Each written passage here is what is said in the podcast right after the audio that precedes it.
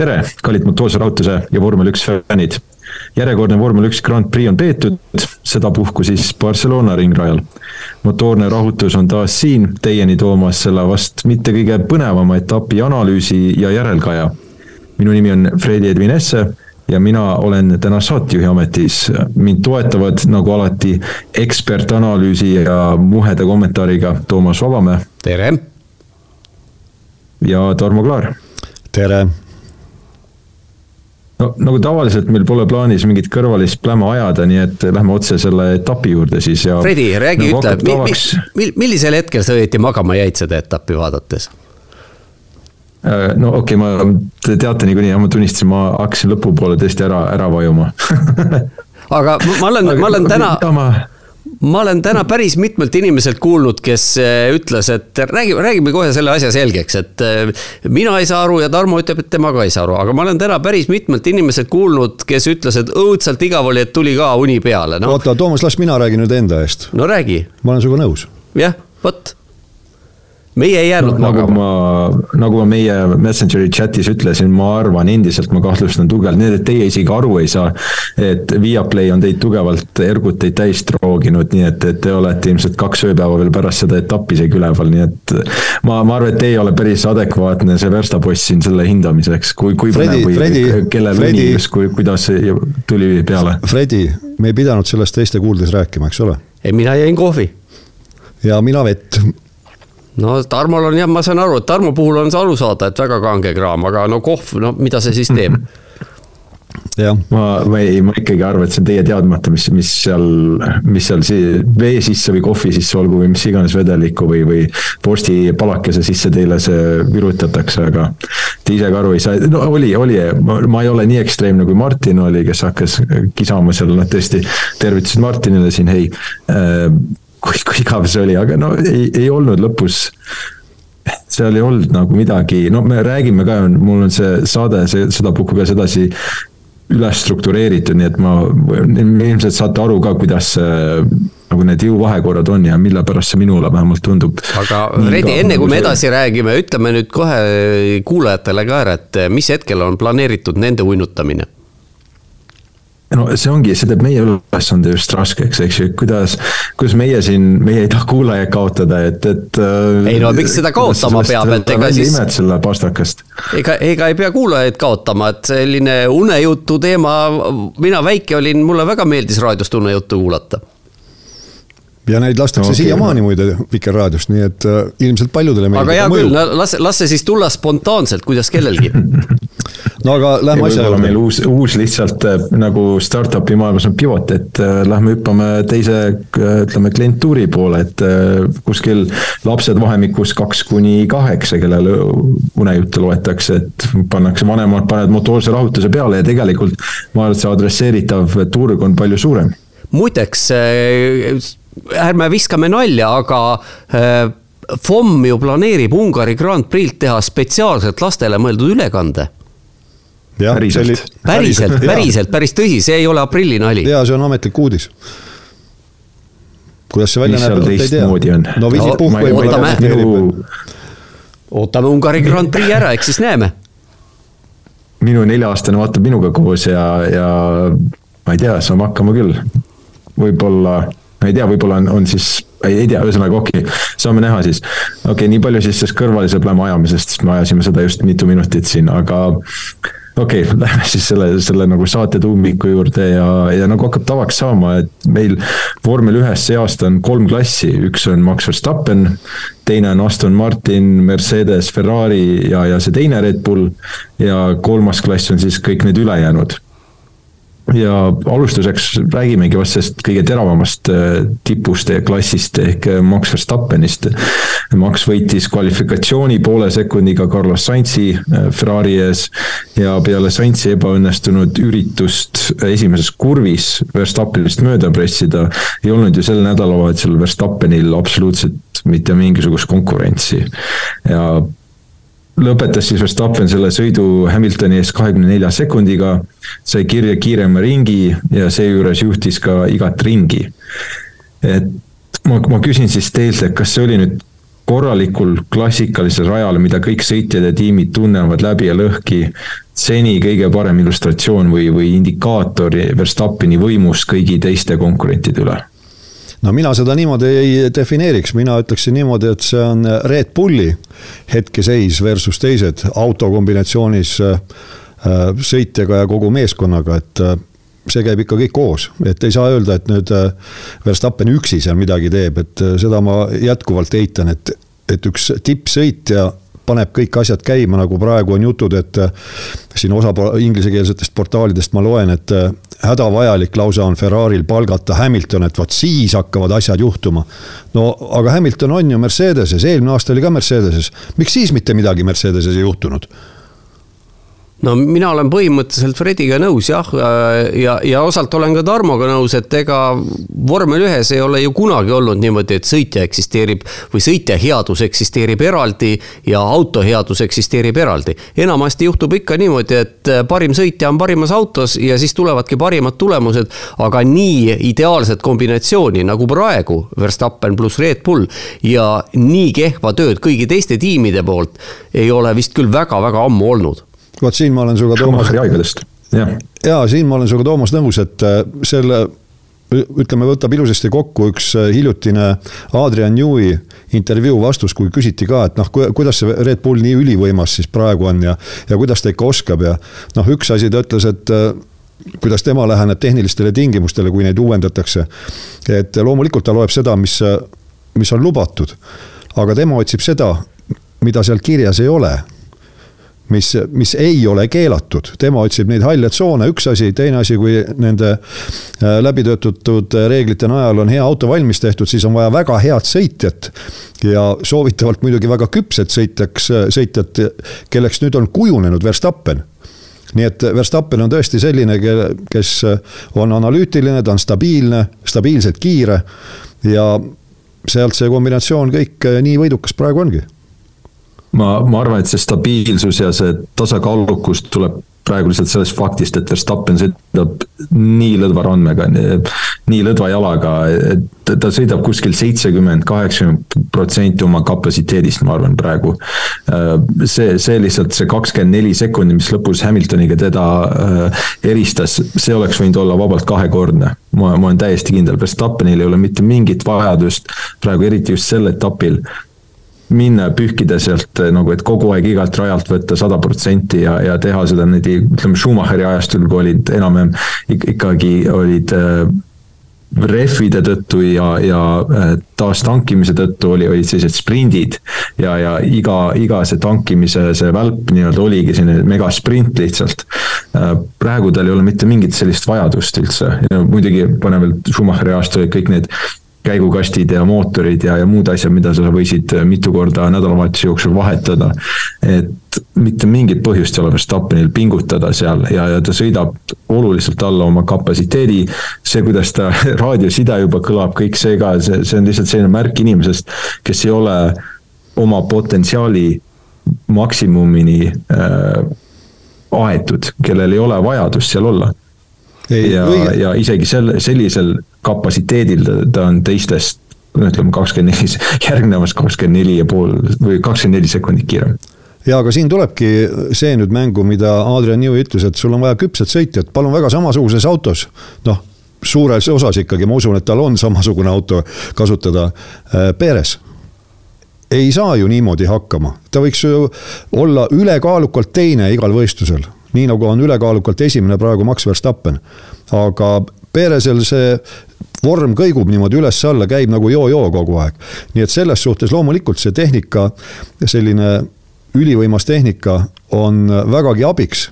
aga soorituse peab koju tooma ikkagi lõppkokkuvõttes sõitja sest vaatame, mida siis äh, tegi, hakkame nüüd lahkama, vaatame kvalifikatsiooni, mida tegi Verstappen teistmoodi võrreldes Peresiga.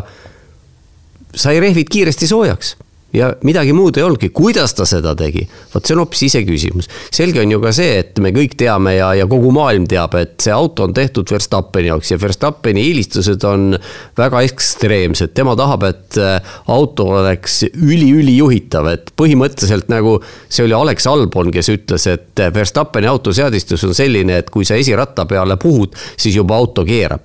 vot Verstappen tahab sellist, nüüd Perez, ma saan aru, üritab sellise autoseadistusega kohaneda. Noh, mõnel rajal on see tal päris hästi välja tulnud, aga viimasel kahel etapil vägagi äpardunud. Jah, ja, ja, ja sellepärast mulle see, selle praeguse vormeligeneratsioon kuidagi istub ka, sest minu arust eriti tänavu on, on näha, et, et see sõitja omab ikkagi päris suurt rolli selles üldtulemuses, et äh, võtame Strolli ja Perezi näiteks, kes olid muide tiimikaaslased, mitte nii, mis see oli, kolm aastat tagasi või? mitte nii ammu üldse ja kui me võtaks nende põhjalt, ütleme, kui nad oleksid kas Red Bullis või nad oleksid Aston Martinis praegu edasi tiimikaaslased. Äh, see võistkond oleks ilmselt oluliselt kehvemal järjel, kui nad oleks selles, selles olukorras, kus nad praegu on, ehk siis oma ühe megatalendiga versus, ehk siis Verstappen või Alonso. et see sõitja praegusel hetkel tundub minu, minu jaoks päris palju äramääravat ikkagi ja, ja kui me hakkame võrdlema siin ka teisi võistkondi, siis selle põhjalt ma ütleks näiteks, et äh, Mercedesel on kõige tugevam sõitjate rivi sest nende sõitjad on, noh, Hamilton on teada-tuntud, eks ta on, Hamiltonil pole midagi tõestada vormel ühes enam. aga Russell on temaga kogu aeg koos ja sealsamas ja, ja seda näitab ka punktitabel. ja, ja nemad suudavad tuua selle, sa võid loota, et see maksimum või auto täispotentsiaal tuleb välja nädalavahetusel ja et suure tõenäosusega mõlema poolt, harva kui, kui ainult ühe poolt. ja, ja kui me vaatame teisi võistkondi, siis noh selge see, et Red Bullis see nii ei ole.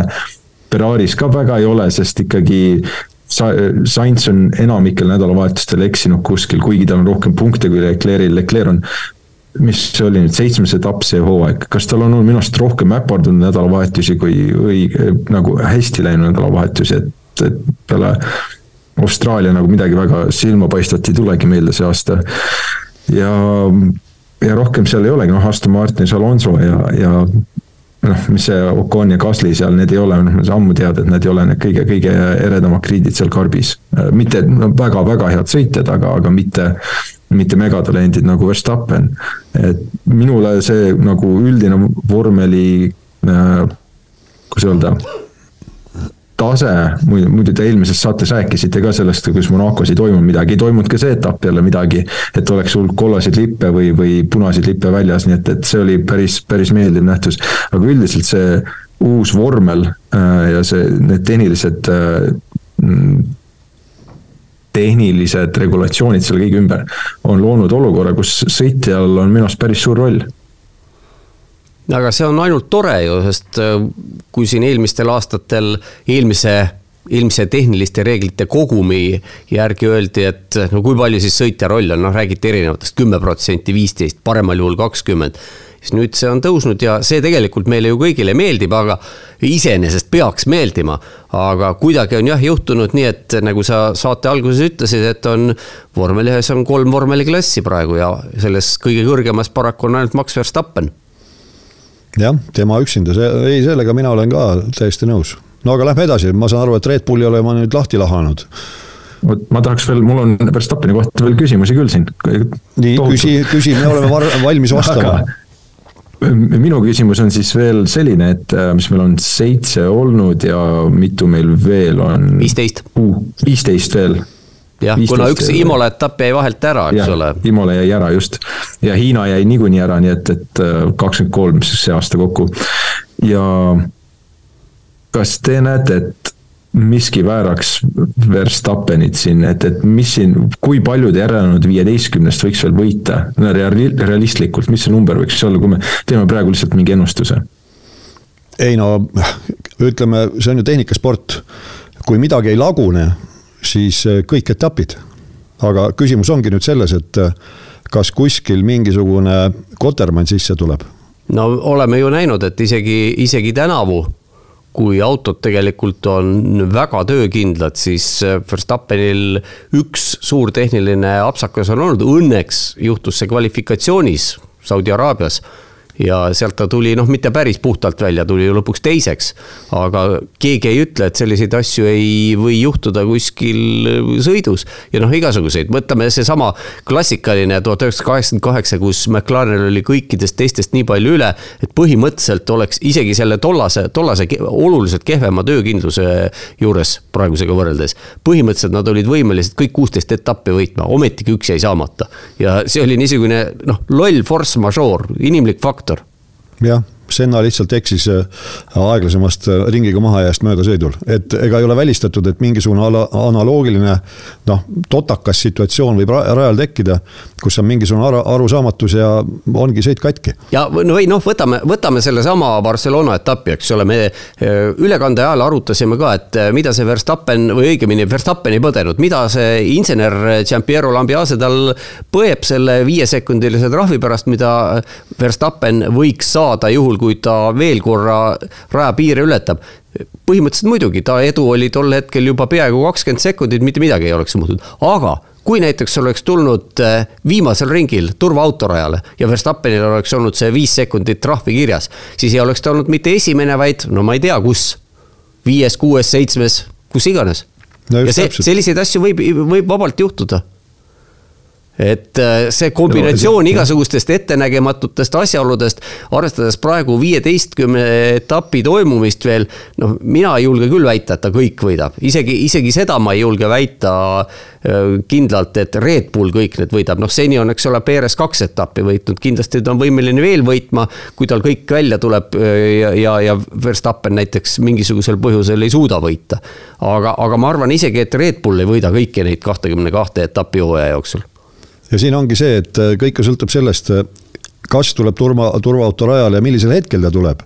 et kas see on soodushetk äh, nüüd liidriks sõitvale Verstappenile, kes noh, siis eeldatavasti on liider või see ei ole soodushetk. et see ju mängib ka nii palju rolli, et seal on nii palju muutujaid, mis tundmatuid muutujaid, kuidas öelda siis, tuntud tundmatuid muutu-, muutujaid, mis võivad täiesti pea peale selle lõppjärjestuse pöörata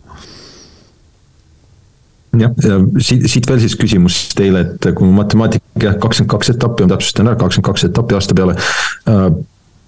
Verstappen on, praegu on seitse sõidetud, Verstappen viis võitnud, järel on viisteist äh,. Schumacheriga äh, koos on Verstappenil äh, hooaja, hooajas teenitud äh, etapi võitude rekord ehk viisteist. kui reaalne on see praegu, et äh, Verstappen võidab järgnevast viieteistkümnest üksteist ja võtab selle, selle tiitli enda nimele täiesti. ei no jällegi, see on ju üsnagi reaalne, juhul kui. jah, on, kindlasti on, kui sa, kui sa küsid, kas on reaalne, siis ma vastan jah, on. mina, mina ütlen, et selle tõenäosus on väga suur. rohkem, rohkem kui viiskümmend protsenti praegusel seisul. kindlasti jah, see, sest selle just see, et tänapäeval see vastupidavus ja kõik see ja Red Bull on suutnud oma enamikest Kotermannidest tundub see aasta väga hästi lahti saada. jah, seal võib tulla selliseid nädalavahetusi nagu eelmine aasta Singapuris oli, kus Verstappen noh, lagunes laiali ja seal oli ka tegelikult tal kiirust oli lihtsalt te. teatud erinevad asjaolud mängisid sedasi, et ta kvalifikatsioonis jäi vist kaheksandaks, siis sõidus kuhugi ei jõudnud aga, aga isegi praegu vaata, kui isegi kvalifikatsioon metsa läheb, mis iganes põhjusel, siis sellel autol kiirust on piisavalt, et, et tulla etteotsa. Verstappeni, ma räägin Verstappeni roolist, ma ei räägi Red Bulli autost, me, erinevad klassid, seal neid ei saa võrrelda praegu lihtsalt, et. ja Perezi neid tippe võib olla tõesti, me nägime, Perezi tipp on see, et, et ta suudab mingi õnne tulemusel nagu Saudis, eks ju, suudab äh, Verstappenist ees olla ja suudab seda vahet hoida nagu, nagu Saudi Araabias juhtus ja, ja suudab seetõttu võita. ja see oli Verstappeni üsna selline kehva päev, ei tulnud autoga äh, kõige paremas äh, kooskõlas. aga neid halbu päevu on Perezil liiga-liiga palju, et ta ei suuda lihtsalt ei, ei, ei noh, see ei ole reaalne, te eelmises saates rääkisite ka muidugi, et noh, Perez võib need äh, mõtted tiitlist küll nüüd ära eemale pühkida, mis, et see, see pigem see etapp veel. ja mina olin ka te, keegi, kumbki teist ütles, et, et pigem Perez võib tagasi tulla sellest Monaco suurest ebaõnnest tugevamana ja, ja, ja rohkem motiveerituna, siis minu arust see nädalavahetus lisas veel sellele masendusele juurde, kui, kui muud moodi no vot, ega ei näe ju teise inimese pea sisse, aga põhimõtteliselt siin meil ju äh, vaidlust omavahel ei ole. Max versus, äh, versus äh, Perez jah, aga noh, Peresil võib-olla ongi probleem on selles, et muidugi noh, iga vormel üks sõitja oma peas on maailmameister ja, ja ta läheb see kõrvaltvaatajale tundub nagu totakas, et noh, mis, mis lootust on Aleksander Albonil tulla maailmameistriks. aga ma olen täiesti kindel, et omas, omas sisimas peas tal on mõte, et äkki ma ikkagi tulen maailmameistriks, ma püüan selle poole. et selline, selline üleüldine positiivne, kõiki asju positiivselt võtta, see, kui võidusõitjatega professionaalsete, väga kõrgel tasemel professionaalsete võidusõitjatega suhelda, siis äh, niisugusele kõrvalseisjale see tundub, et noh, kas nad on mingisuguse laksu all kogu aeg või väga veider veidralt räägivad ja veidralt tunduvad käituvat, aga, aga selle edu saavutamiseks sa peadki niimoodi mõtlema, sa ei saagi teistmoodi mõelda. aga mulle tundub, et Perez on nüüd eh, oma, oma mõtetes on, on natukene liiga pilvedes, et see reaalsus ei, ei kipu talle vist praegu kohale jõudma. sest reaalsus tegelikult on ju see, et tema peaks liikuma teise koha poole, tal ei ole vaja reaalselt tal ei ole vaja, keegi ei lasegi tal Max Verstappenit võita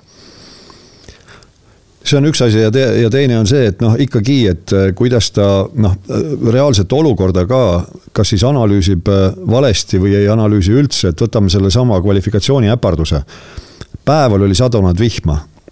Äh, see on ju teada-tuntud tõde, et äärekividesse, sinna lohkudesse vesi koguneb, korralikku vihma oli päeval tulnud. ja see sõiduviga tuli ju sellest, et ta sõitis äärekivi peale libedale rajaosale ja sealt ta välja lendaski kuidas see mees siis nii kogenuna sellega ei arvesta, et see rada on suhteliselt hiljati, hiljuti kuivanud, aga seal äärekivides, seal lohkudes on jätkuvalt vesi. miks sa lähed nii laia kaarega äh, kurvi? noh, see on jälle peast kinni kõik. peast kinni, aga liigume siit siis meie järgmiste klasside juurde vormel ühes nii, teise koha, teise koha sai siis üsna, üsnagi üllatuslikult või äh, Lewis Hamilton ja, ja kolmas minu arust veel üllatuslikum, üllas, üllatuslikumalt oli tema tiimikaaslane George Russell. kas, noh, siin oli, me oleme juba rääkinud sellest esimesest etapist võib-olla testidest alates, et Mercedes nüüd tuleb midagi, peab muutma ja, ja nad tõid oma selle suure äh, uuenduste paketi tõid äh, Monacosse ja, ja nüüd veel veidi lisauuendusi siia Barcelonasse ja nüüd, nüüd see oli see koht, kus siis lõplikult näeme, kas Mercedes nüüd, äh, eks ju, kaotas ära või, või tekitas endale õigemini need küljekarbid, küljekarbid, mida neil varem ei eksisteerinud. ja, ja nüüd on neil selline filosoofia rohkem, mis on Red Bulli stiilis. ja oh näed, teine ja kolmas koht ja, ja üsnagi tugevad, Ferrari ei kusagil, Aston Martin ei kusagil. Äh, kas me võime nüüd täpselt öeldagi, et äh, Mercedes ongi tagasi, noh, okei okay,, Red Bulli, ütleme, Verstappeni, ega nad ei ole tagasi või sellel tasemel, aga nad on teistest ees, äh, teistest siis nende sellest vormel, ma, ma ei teagi, ütleme see teise klassi või, või mis, mis see, mis iganes see grupp on, neid Ferrari'd, Aston Martinid ja, ja, ja Mersud ja see teine Red Bull, et kas nad on selles grupis nüüd kõigist ees. ja vormel üks, grupp kaks. Ehm, mina julgen väita, et äh, me ei saa seda väita. sellepärast, et seal Barcelonas ka noh, kõige mõistlikum selline indikaator millegi kohta oleks võinud ju olla see teine vabatreening, aga seal äh, võistkonnasiseselt ka, nii palju kui mina jõudsin jälgida, seal äh, eriprogramme läbisid võistkonnasiseselt sõitjad et küll olid kütusekogused erinevad, küll oli, küll oli rehvi valik erinev. sa no, nüüd räägid millisest võistkonnast? Äh, erinevatest erinevatest võistkondadest, et kui me räägime just sellest äh, vormel üks äh, teisest grupist, siis just see küsimus, et kas nüüd võime öelda siis, et Mercedes on seal eesotsas, siis mina väidan, et me ei saa seda väita no.. sest pilt on üle, ebaülevaatlik jah, mina ütleksin niimoodi, et äh, see, mis me Barcelonas nägime, oli lihtsalt selline äh, foto hetke ülesvõte. tollel, tollel, tollel ajahetkel, tolles kohas oli seis selline, kui kahe nädala pärast sõidetakse Kanadas noh, mine võta sa kinni, Kanada rada muidugi on ka hoopis teistsuguse iseloomuga. pigem ma usuksin, et kui pärast Kanadat veel kaks nädalat edasi toimub ülejärgmine etapp Austrias, siis võiks jõudude vahekord meenutada seda, mis oli praegu Barcelonas.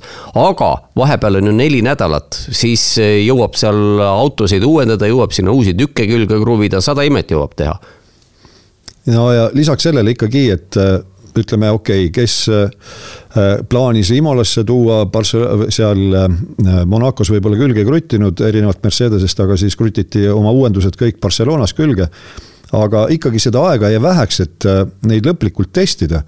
et mis, mida siis mõjutab ja kas üldse mõjutab teeb ta siis paremaks või ei tee, et mina väidan, et kogemust on vähe. kuna reaalset testiaega on niivõrd vähe, siis lisaks sellele Barcelonas ju, mis oli Pirelli oli toonud ju eksperimentaalrehvid järgmiseks hooajaks. mitte järgmiseks, vaid selle aasta Briti Grand Prix'st alates Aa, juba. vabandust, jah, õigus. et äh, ja neid ju ka testiti seal ohtralt, nii et äh, seda enam oli, oli see pilt selline suhteliselt segane, nii et äh, muidugi võib öelda seda, et Mercedes on ikkagi noh, teistega võrreldes ilmselt suure sammu edasi teinud, aga kas ta nüüd näiteks Red Bullile niimoodi oluliselt lähemale on tulnud, väga raske öelda. jah, millega võrrelda et see Mercedese no,, Mercedese vorm erinevate etappide lõikes on olnud ka nii, nii kõikuv, et Ameerika mäed meenutavad suurt tasandikku. kas te eelmist aastat mäletate äh, Hispaania Grand Prix'l? Äh, ei mäleta siis oli, oli ka samasugune teema oli ju, et ähm, kas nüüd Mercedes jälle teeb mingeid uuendusi sinna ja et kas nüüd nad saavad lõpuks kontseptsiooni tööle ja eh näe ime, äh, kahe Red Bulli järel oli Jüri Russell oli äh, kolmas ja Hamilton sai vist oli viienda koha seal ja oli ka, et oh, nüüd Mercedes saab ja hakkab nüüd ja panema ja, ja, ja teist korda oli see veel, veel suuremal või veel ekstreemsemal kombel toimus ju aasta lõpus Brasiilia Grand Prix'l ka. kus nad arvasid, et noh, nüüd, nüüd oli üle Hamiltonil läbi, nädalavahetus läbivalt kõige kiirem, kuigi Russell võitis selle, tegi ka väga hea sõidu. siis vaatasid, ohoh, ikkagi meil on nüüd selle kontseptsiooniga ikka minekut. ja, ja siis tulemus oli selle aasta algus, eks ju, oli näha, mis see minekus sai ja, ja no minu, minu point on see, et see võib täpselt samamoodi olla nagu eelmine aasta, et, et see lihtsalt, see rada olemuslikult sobib Mercedese autole, nii nagu see praegu on, sest nad autot ei muutnud ju, nad panid lihtsalt küljekarbid külge eh, ja, ja põhja muutsid seal ja, ja noh, niped-näped veel. vedrustus, vedrustus. jah nii et mina, mina väidan, mina väidan, et autot ikkagi suures osas, väga suures osas muudeti, kui see kandmik nüüd välja jätta, siis ega ja, ja mootori käigukast, siis need nii-öelda külge riputatavad osad, need ikkagi laias laastus olid kõik uued jah, et. ja ka Sashi ja, ja need, need ikkagi on noh, see, see auto olemuslikkus on, on sama. see, see, mis see nagu no ma ikkagi see, tahaksin vastu, ma tahan, ma tahan ikka vai, vastu vaielda, sest noh, kui ma muidugi ei tea, eks ole, ja keegi tegelikult ei tea peale, peale Red Bullis väga väheste inimeste, milles siis nende see, see eduvalem tegelikult on, aga, aga räägitakse ja me oleme seda siin saadetes ka maininud, et põhiline, kust vahe sisse tuleb, on vedrustus. Red Bulli auto vedrustus on selline, mis suudab seda auto kaldumist ära hoida, tänu millele aerodünaamika töötab kõikides oludes stabiilselt tegelikult. nii pidurdamisel, kiirendamisel kui ka keeramisel. ükski teine tiim seda ei suuda ja sealt ongi põhjus, miks tuleb vahe ja noh, jääb mulje jah, et näed, et Red Bullil aerodünaamika lihtsalt töötab nii hästi. see on, kuidas öelda, see on äh, nähtumus, aga see ei ole olemus, olemus on pigem ikkagi vedrustus, kui see, kui see spekulatsioon või kui see arvamus on õige no just, et kui see arvamus on õige, et eh, eks see kombinatsioon on ja siin kotkapilgud vaatasid, et eh, kui tõsteti üles seal Red Bulli auto, siis kui oli Perez seina sõitnud eh, Monacos, siis see põhjakuju, see oli igasugu mügerikke ja suunajaid täis ja võrreldes näiteks ütleme Williamsiga Williamsil oli nagu kaheksakümnendate aastate tiibauto, ainult et küljekardjanid olid puudu. lihtne, sile selline, ei mingit keerukust. aga kui vaadata seda Red Bulli põhja, piltidelt, siis nii mõnigi ütles, et ongi raske seda jäljendada, sellepärast et sa tead, mis, mida mõjutab ja miks need mügerikud ja suunajad seal on, kus nad on. et see töö tuleb kõik tuuletunnelis ära teha ja selle CFD-ga ehk siis arvutijäljendusprogrammidega nii et eh, eks see on kombinatsioon kõigest tegelikult. Ja siin ma ka olen eh, Toomasega ühes paadis, et noh, me oleme ühes toas mitte sellepärast, et ma kardan nagu mingit äh, karistust aga käest, aga aga ikkagi muudeti autot, ei ole niimoodi, et noh, olemuslikult seda Mercedest ei muudetud, muudeti ikka küll, aerodünaamikat ikka muudeti oluliselt, see auto näeb ju väljast hoopis teistmoodi välja ja kõik need pinnad, mida muudetakse, see ju muuda, muudab õhuvoole. nii et muutis Mercedes oh,, mina aidan oluliselt oma autot no vaatame, vaatame, ma, minu hoiatus lihtsalt see, et see sama asi, mis eelmine aasta toimus, võib ka uue, väga vabalt. Pole mingit nagu asja, mis ütleks, et see ei peaks või ei võiks ka uuesti korduda see aasta ja, ja nagu sa ütlesid, see on lihtsalt üks foto ühest hetkest. laupäeval oli McLaren kiiruselt kolmas auto. miks, mis sellest sai? Jaa, aga siin ma sulle vastu ei vaidle, et Mercedes, tähendab, selles osas ma vaidlen, ma ütlen, et muudeti oluliselt autot, aga tõesti, selles osas ma ei vaidle, et ei kordu eelmise aasta tulemus.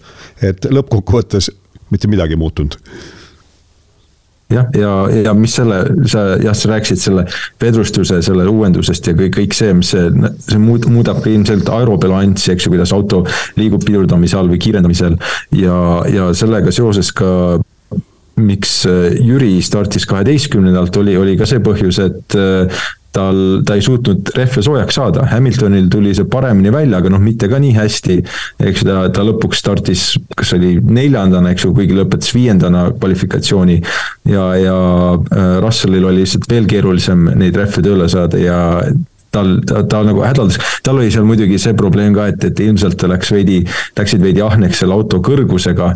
ja, ja auto, see oli näha vaat selle eel, viimasest, eelviimasest kurvist tulles auto niimoodi põtsus vastu maad ja võib-olla seal lihtsalt erineva seadistusega, sest Hamilton ja Russell on, on pidevalt viimased poolteist aastat erinevaid seadistusi harrastanud, eelkõige siis Hamilton on sellest mediaanist eemale kõikunud, mitte niivõrd kui Russell on. ja jah, sellest võib ka see või noh, väidetavalt oli ka teatud osa sellest erinevusest tuli, miks siis ka äh, Jüri lõpuks kaheteistkümnendana pidi startima, aga sellele vaatamata startis kaheteistkümnendana, kusjuures startis tagantpoolt näiteks Alonsost, tagantpool näiteks Gaslist, tagantpoolt ka Perezist, lõpetas nende kõigi ees.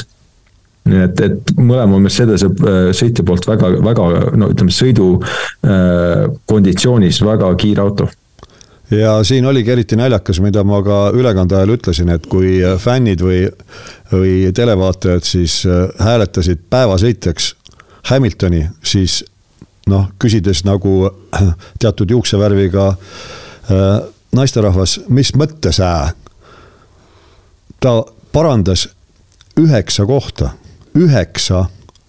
see on siis Russell parandas. Russell, Russell parandas üheksa kohta võrreldes stardiga. Hamilton parandas kaks aga rahvale meeldis rohkem. jah ja see ongi, see ongi, see ongi rahvas otsustab, et nemad ei, nemad ei vaata mitu kohta, vaid oh, Hamilton on tagasi, põmm, tema on järelikult kõige parem ja nii lihtne ongi. ma arvan, et jah, Tarmo, sa vist hääletasid vale, vale sõitja poolt seal selles küsimustikus. ei, mul käed nii värisesid, et ma ei saanud klaviatuurile üldse pihta, ma olin nii erutunud no okei okay,, noh, see, see selleks, Mersuga jäime sinnapaika, eks näis, mis nendest tuleb. Äh, järgmisena on siis see teine Red Bull, äh, Sergio Perez. kas me katsime tema juba ära, tema sõidud, ma ei, ei taha nagu tümitada ka, et tegelikult, tegelikult noh, hea sõitjaga, aga tal need teatud asjad ei, ei kuku nii hästi välja, me rääkisime tema kvalifikatsioonist. kas sõidu kohta on meil veel midagi kommenteerida tema puhul? ega vist ei ole, noh võib ju jah öelda, et kvalifikatsioonis oli see, et kui ta ikka püüdis põhimõtteliselt üle oma varju hüpata ja no ei, see vari ikka läks eest ära, ei õnnestunud. no sõidus tegi seda, mis ta tegema pidi, see, et äh, Russell läks mööda niimoodi, noh, see oli võib öelda tööõnnetus, Perez ei jätnud jonni, punnitas tegelikult kuni lõpuni välja aga seal jah, juba materjaalosa enam ei võimaldanud, lõpuks rehvid lihtsalt kulusid alt ära. põhimõtteliselt võttis maksimumi, ega midagi otseselt ette heita ju ei saa no ja ütleme, et äh, võrreldes Monacoga muidugi rajad drastiliselt erinevad, et äh, Barcelonas on märksa lihtsam nii kiire autoga tagant tõusta. rada on lihtsalt nii lai stardifiniši sirge lõpus nagu lennuväli, et seal vastasel on äh, oluliselt aeglasema autoga üsna raske midagi ette võtta. ja kuidas sellega nüüd on, et Perez on linnaradade spetsialist? Monaco valguses. teatud. no teatud mille iganes valguses, noh. Ei no sõidab tavaradadel ka, mis siin öelda. Peresi ja Russelli erinevus oli ka paljuski see esimene ring. Peres, kas isegi kukkus minu arust ühe koha võrra alguses äh, esimesel ringil või midagi no, sellist. Russell läks ja, temast kindlasti mööda. Russell Russell tõusis mitu kohta, okei okay,, seal on ja, ja kui me, okei me ei rääkinudki seda, et see esimesel ringil see teine kurv, see šikaanist välja tulles, ta läks äh, äh, lõikas ja sealt tõusis kaks kohta äh,. kohtunikud vaatasid, ütlesid, et tegelikult midagi ei olnud. et ta noh, seal ei olnudki, seal kolm autot läksid ühte kurvi, et, et seal ei olnudki, kui ta oleks edasi jäänud pressima, siis oleks kokkupõrge olnud. Äh, et Russell sõitis sealt asfalteeritud turvala pidi siis tagasi rajale ja tuli kes see Show ja, ja kes see veel temaga seal koos madistas minu arust tol hetkel, kellest ta mööda sai. Ja, ja tänu sellele, et just turvaalalt välja sõitis äh, või turvaala pidi äh, rajale tagasi tuli, et äh, kas te ei näe seal, minu jaoks tundus see niikaua, kui ta nendest postidest sõidab sealt õigelt poolt, kus on see nähtud, ette nähtud turvaala, sõidab sealt läbi ja rajale tuleb, isegi kui ta tuleb teist ees, siis ei saa ju midagi Russellile ette heita. Põhimõtteliselt ei saa jah, aga mina vaatasin ära ka kõik vormel kaks ja vormel kolm võidusõidud ja tundub, et probleem ongi selles, just nimelt selles kuidas siis öelda, selles väljasõiduteel või, või sellel rajale tagasituleku teel. esimene kurv tehti tänavuseks, mitte kurv, vaid see kurvi turvaala tehti tänavuseks ümber, see on nüüd ligi kolmkümmend meetrit pikem. Ja see asfaltrada, mis sealt siis rajale tagasi toob sõitja see on ka teistsugune. Ja probleem paistab olevat selles, et sinna on pandud liiga hea asfalt seal saabki sõita kiiremini kui rajal, seda enam, et see, see rajaosa, nii, rajaosa, see ei ole ju rajaosa, see väljasõidutee või tagasisõidutee, see on sirgem kui rada ja sa saadki seal lajatada, lajatada gaasi nii-öelda põhja ja tullagi suurema hooga teele tagasi. ja vormel kahes, vormel kolmes oli ka neid olukordi päris mitmeid, kus täpselt samamoodi sõitja läks välja esimesest kurvist, aga kokkuvõttes ta hoopiski võitis. ja noh, seal oli ka selliseid juhtumeid, kus sõitja tundus, et hakka, hakkas nii-öelda häbi tundma, et kuidas ma siis nüüd, nüüd läksin välja ja võitsin kohe ja, ja anti seal kohti tagasi ka, et Russell, noh, ma ei tea, kas ta, kas ta seal meelega, meelega võttis hoogu maha, pigem mitte. aga midagi ette heita tõesti, minu meelest oli raske, see, et Kristjan Horner seal torises, et Russell pääses kergelt, noh. Red Bull peabki Mercedese peale torisema ja vastupidi ei no ega konkurendid alati torisevad ju, kui te, teised midagi teevad hästi ja, ja kui nad teevad reeglitepäraselt, siis äh, torisetakse ikka, et noh. see on ju tüüpiline, võtame kasvõi seesama, kui Haas omal ajal liitus vormel ühega ja luges ilusasti nende juhtkond reeglid läbi ja osteti sisse kõik äh, lubatud ostetooted. noh, siis hakati, ma ei tea, mis kellegi Ferrari kloonist rääkima ja mida iganes. et ja kui nad veel alguses edukad ka olid, et noh, sama siin, et milles Russellit süüdistada reeglite järgi oli koht, kus tuli rajale tagasi tulla, sealt ta tuli, milles probleem on? no tuli teiste ees, siis tuli teiste ees, aga ta ei rikkunud ju reegleid. reegleid ei rikkunud jah. Läheme siis järgmise äh, sõitjate paari juurde, Carlos Sainz Ferrari eest viies, startis tema teisena ja Charles Leclerc oli, lõpetas siis üheteistkümnendana, tegelikult Raja lõpetas kaheteistkümnendana, Yuki Tsunoda tõsteti temast tahapoole äh, viiesekundise karistuse tõttu, millest jõuame ka veel rääkida. aga Leclerc startis ju boksi teelt ja, ja lõpuks jäi ikka punktidelt välja, äh, isegi pärast äh, Tsunoda karistust Ferrari tõi samuti surve uuenduste pak-, paketi selle rajale, ka nende küljekarbid muutusid. Läksid rohkem Red Bulli stiilis või selle filosoofia äh, poole. aga kui me vaatame tegelikult seda, mis see tendents on olnud Ferrari'l, eks me oleme rääkinud ka sellest juba lõpmatuseni siin, et Ferrari suudab kvalifikatsioonis päris hea ringi veel kokku panna, siis sõidus neid ei ole kusagil. ja, ja minu arust, parandage, kui ma eksin, aga minu arust see, see tendents võimendus et nad suutsid ka kvalifikatsioonis päris hästi esineda, aga sõidus nad olid veel vähem kusagil, eriti Leclerc, kes ei olnud isegi kvalifikatsioonis kusagil. no siin Leclerc on muidugi omaette jutt, sellepärast et ilmselgelt äh, mingi probleem tal äh, autoga oli.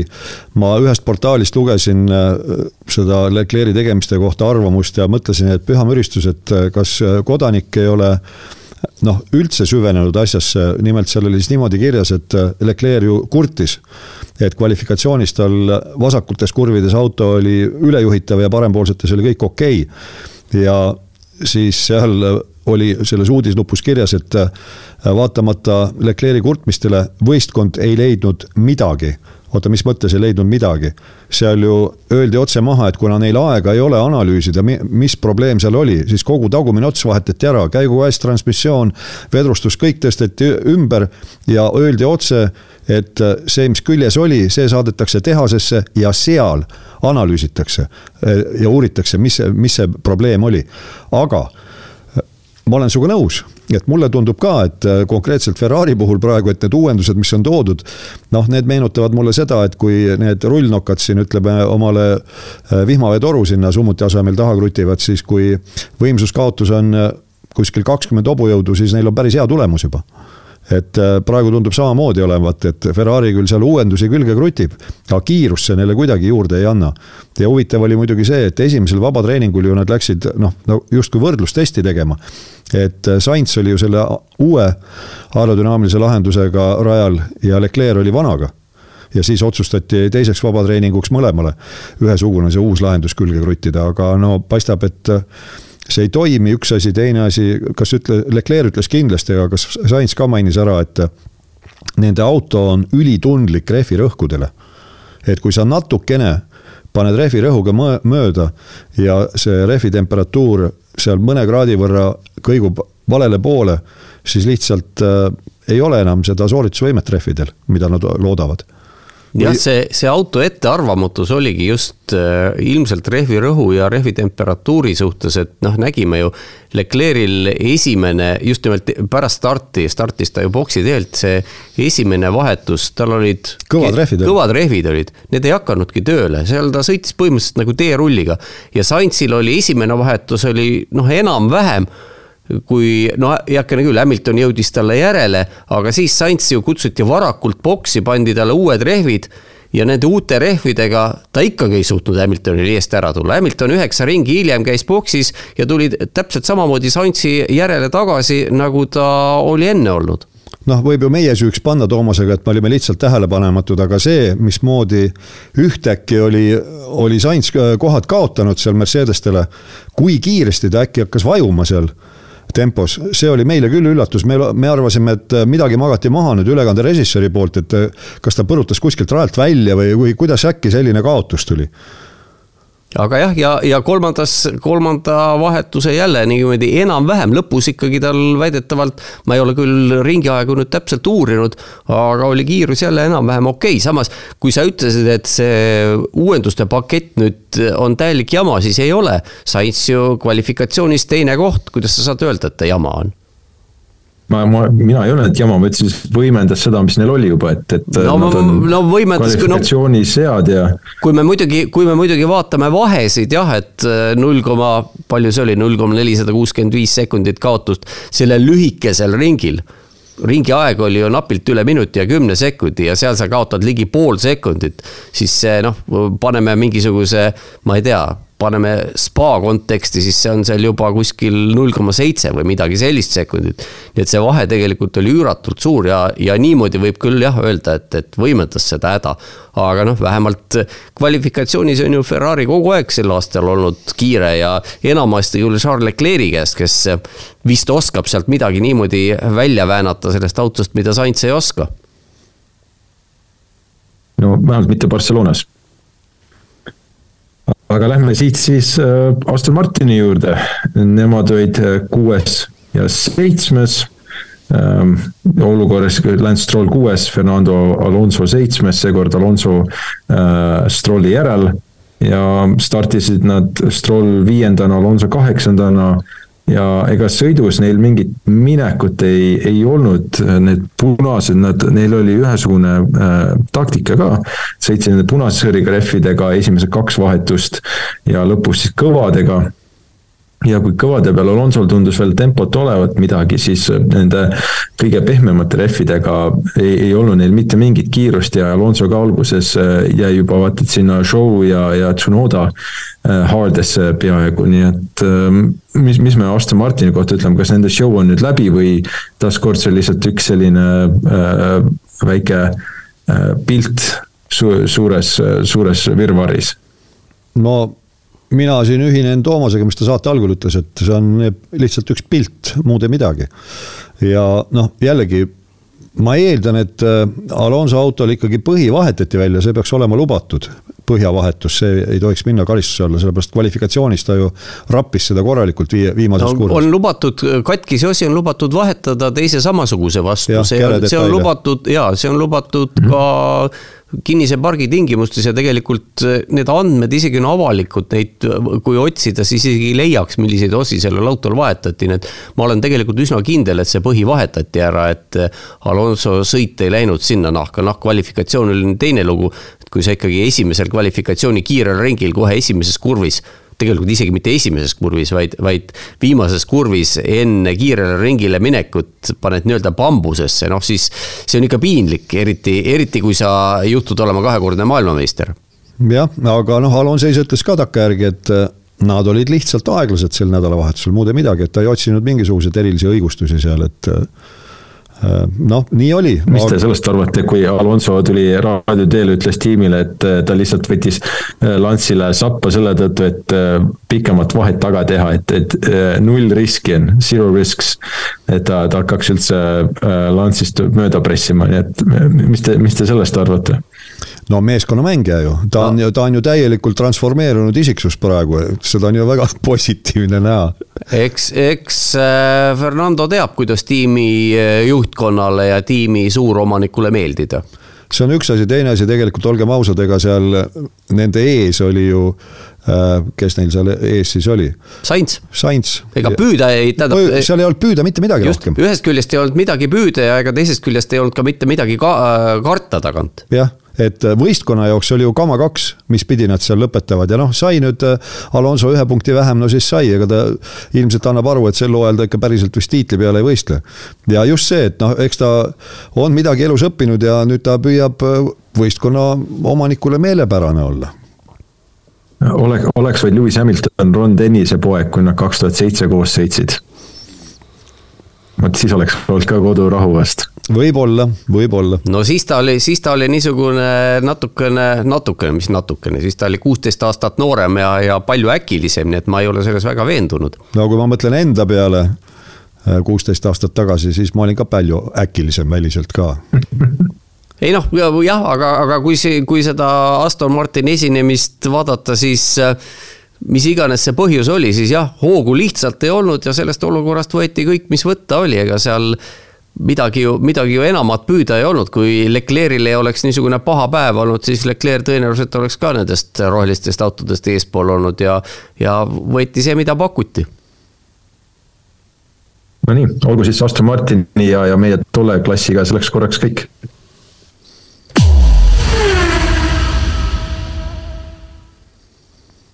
tuleme siis nüüd meie, mulle Tarmo, mulle meeldis, kuidas sa ütlesid, et vormel või ütleme, vormel üks punkt kaks oli see, millest me rääkisime. Äh, teine grupp. tuleme siis vormel üks punkt kolme juurde. kolmanda grupi juurde. Äh, kelleks, jah, kelleks on siis see ülejäänud, ülejäänud kamp, äh, keda juhtis sedapuhku siis Esteban Ocon maa Alpiniga, kuuskümmend üheksa sekundit maas võitjast ja tema tiimikaaslane Pierre Gasly oli äh, kümnes, sai ka punkte, seitsekümmend kolm sekundit maas ja noh, tema sai punkte ainult seetõttu, et Tsunoda äh, tahapoole tõsteti.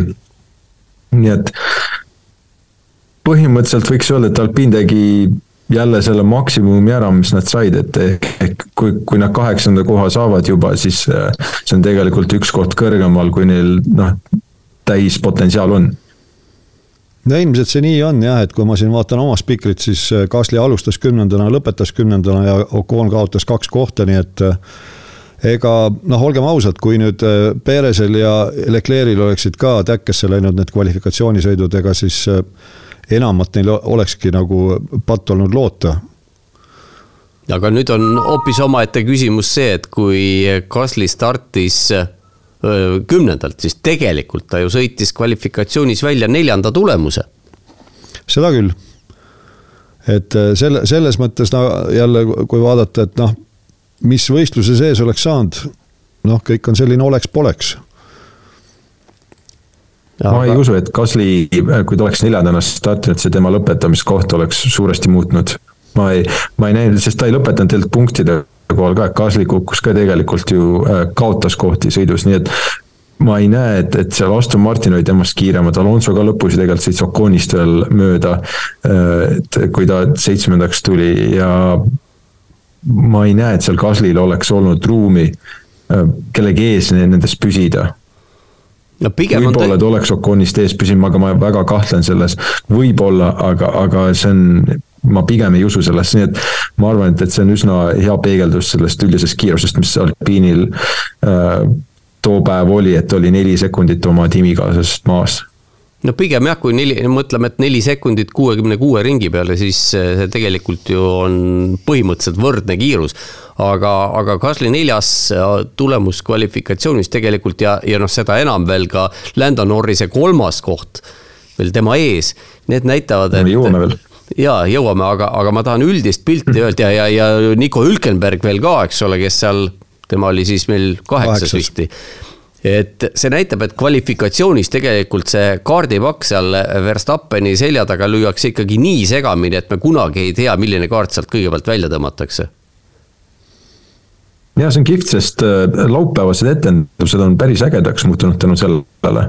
see, see ei ole enam niimoodi, et esimesed kuus, nagu siin mõned aastad tagasi oli, võisid sõita kõvema segu rehvidega selle esimesed kaks äh, kuu, kuu, no ütleme kvalifikatsiooniringi ja siis lõpus panna ja säilitada veel rehve pühapäevaks, et, et see enam ei ole üldse, seal on juba päris viimased kaks nädalavahetust on küll olnud see, et viimane mees, kes on viimasena rajal, suudab veel jänese äh, kotist välja tõmmata, et see on äh, üsna meeldiv olnud näha seda jah, see kisub juba sinna, ütleme vormel kahe, vormel kolme kvalifikatsiooni poole, kus äh, sa pead olema viimasel hetkel kõige õigemal, viimasel hetkel rajal oma kiiret ringi sõitmas, et äh, nii see tikub olema ja seda on tiimipealikud ka ise nüüd tunnistanud, et need ajad ta vähemalt äh, praegu tunduvad küll olevat möödas, kus kõvemad tiimid lihtsalt võisid lõdvarandmega seal gramm kõvema rehviga minna järgmisesse vooru selleks, et säästa pehmemaid no see on ju ainult kasuks, et äh, vormel üks ei pea olema meelelahutus ainult pühapäeva õhtupoolikul seal kaks tundi, et tore ikkagi, kui laupäeval ka tund aega pinget ja, ja põnevust on. kuigi, kuigi see ei asenda, kuigi see ei asenda, ma ütlen eelkord, ükskõik kui põnev, noh, Monaco oli ju täielik, täielik triller ükskõik kui põnev kvalifikatsioon ei asend-, ei ole, see ei asenda korralikku võidusõitu, isegi sellist keskmist võidusõitu ta minu jaoks vähemalt ei asenda sõidetakse ükshaaval, see on nagu ralli põhimõtteliselt. nõus, sellega, sellega täiesti nõus. üheksandana lõpetas Guan Yu Zhou väga-väga viisakas äh, esitus tema poolt ja mitte nii viisakas esitus äh, tema tiimikaaslase Valteri Potase poolt, kes oli üheksateistkümnes mis, mis Alfas toimub, Potasel olid teatud probleemid eh, nädalavahetus peaaegu et läbivalt. aga, aga sõidus ka ta, ma ei mäleta, mis kahjustuse ta endale sai, et, et sõidus tal ei olnud ka, see põhja lõhkus ära endal vist oli, oli pühapäeval ja, ja siis nagu see raadios kuulsime ka, mängis jälle mängi, mitte enam Hamiltonile, vaid mängis Guan Yu Show'le Wingmani. Et ei, ei ole tal kuidagi see saates parem.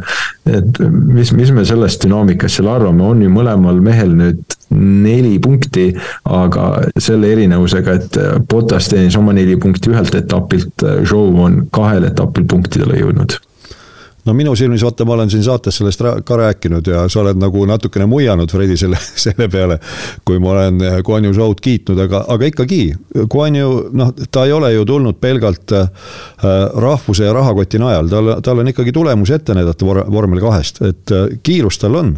aga nüüd võrdluses just Botasega, et kui pidada silmas seda, et siin kaks tuhat kakskümmend kuus võistkond muutub äh, Audiks, mis iganes nimetus tal siis täpselt on, Audi Sauber või Sauber Audi või on puhtalt Audi vormel üks. ja Botas äh, loodab jätkata seal, siis äh, kui ta samas vaimus jätkab nagu praegu, siis ma küll ei näe võimalust, et teda sinna tahetakse hoolimata tema meeletutest kogemustest ja etapivõitudest Mercedese päevil et äh, praegu küll paistab niimoodi, et äh, on jälle justkui selline natukene analoogiline olukord, mis, mis siin kehvema autoga oli Mercedeses, et äh, Russell on noor ja näljane, temal on tõestamisvajadus. Hamilton on täis söönud ja mugav ja kui masin ei ole päris sobiv tema jaoks, siis rattade alt ära ei sõida. et Botas nüüd on ka kuidagi unele jäänud, tundub mulle no Potas on sel aastal ju korduvalt rääkinud intervjuudes, kuidas äh, on, äh, kuidas ta on leidnud rahulikku elu, noh, mis on iseenesest hea, aga see rahulik elu äh, minu meelest tema tulemustes kajastub valesti, võiks ju, võiks ju kajastuda niimoodi, et ta sõidab hästi, aga no mis iganes need probleemid on, miks need tal kogu aeg tekivad, nagu Fredi tõigi välja, et on ühe korra jõudnud punkti kohale, heakene küll, sai tervelt neli punkti, neli punkti annab meile kaheksas koht aga show on kaks korda üheksandaks tulnud, no ega see ei ole nüüd punktide mõttes on jah võrdne, aga, aga kaks korda ikkagi punkti kohale jõudnud ja, ja kuidagi need eh, dünaamika jah, mulle tundub, et on seal tiimis muutunud, et Potasel kuidagimoodi ei klapi, ükskõik mida ta teeb. Kas see on eh, äkki sõidustiili probleem või midagi sellist, et ta ei suuda alfal kuidagi neid rehve tööle panna või, või, või siis kuluvad need liiga kiiresti ära, siis noh, ei, ei, tundub, et tal endal ka seda vastust ei ole, kui ta teaks, ma arvan, noh, ta on piisava intelligentsiga sõitja, et ta suudaks seda adresseerida. aga mulle tundub, et praegu on pigem see häda ka, et ta on nagu lihtsalt kadunud paljuski. ja on, on jah.